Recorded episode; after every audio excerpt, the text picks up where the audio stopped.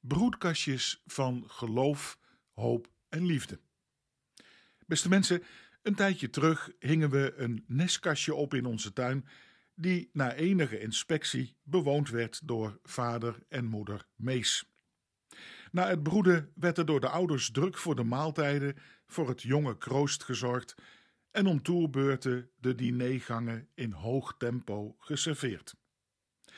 Vorige week zat de broedtijd erop en vloog het gezin uit de wijde wereld in. De broedplaats achterlatend voor een volgend nieuw nestje.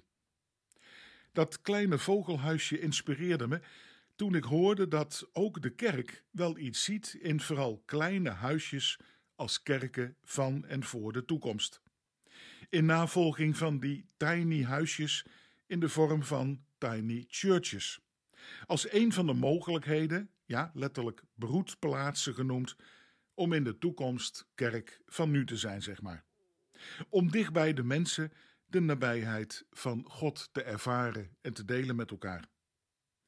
Op de Wereldtuinbouwtentoonstelling Floriade in Almere is zo'n kleine tiny church ter inspiratie gebouwd. Een mooi initiatief dat zeker tot nadenken zet.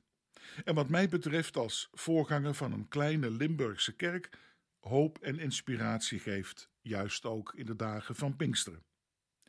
De stand van die christelijke kerk nodigt ook wel uit tot nieuwe creatieve initiatieven, zou ik zeggen. De meerderheid van ons land is niet meer beleidend gelovig christen of voelt zich nog verbonden met een kerk. Terwijl er bij velen best een zoeken is naar houvast, een betekenis, een zin van het leven, met al het moois en verdrietigs dat daarbij hoort. Je zou zelfs wel kunnen zeggen, denk ik, dat velen op de een of andere manier best wel een veilig nestje van hoop zoeken voor het soms grillige leven, waar ook zoveel onzekerheid is maar daarvoor toch niet altijd vanzelfsprekend bij de kerk uitkomen. Dit weekend is het Pinksteren. Je zou kunnen zeggen de verjaardag van de kerk.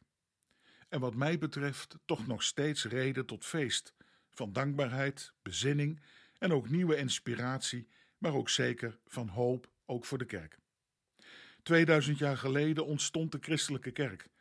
Vijftig dagen na Pasen, vandaar het woord Pinksteren, Pentacosta, waren de leerlingen van Jezus bij elkaar gekomen in Jeruzalem, waar het feest van de eerste oogst gevierd werd.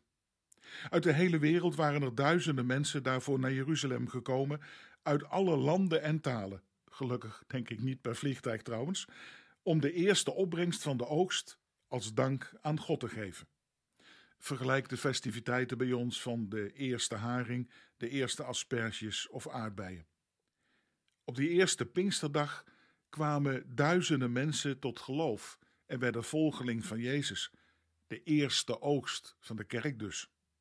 De mensen werden als door een windvlaag van Gods geest aangewakkerd, enthousiast gemaakt, in vuur en vlam gezet, lezen we, door de hoopvolle boodschap van het Evangelie.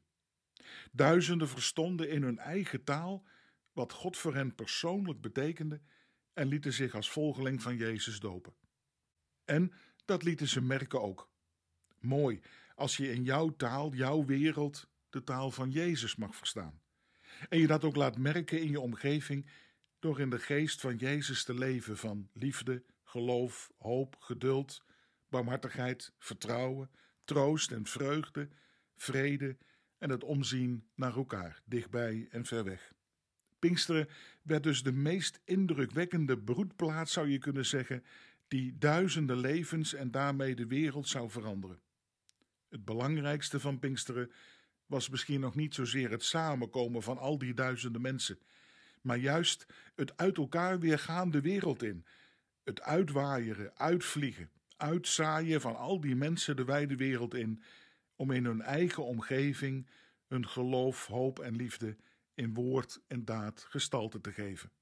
In grote, maar ook heel vaak in kleinere gemeentes. En ik wens u, ik wens jou zo'n veilig nest van vertrouwen en van geloof toe. Een plekje als broedplaats van geloof, hoop en liefde, ook in je eigen leven.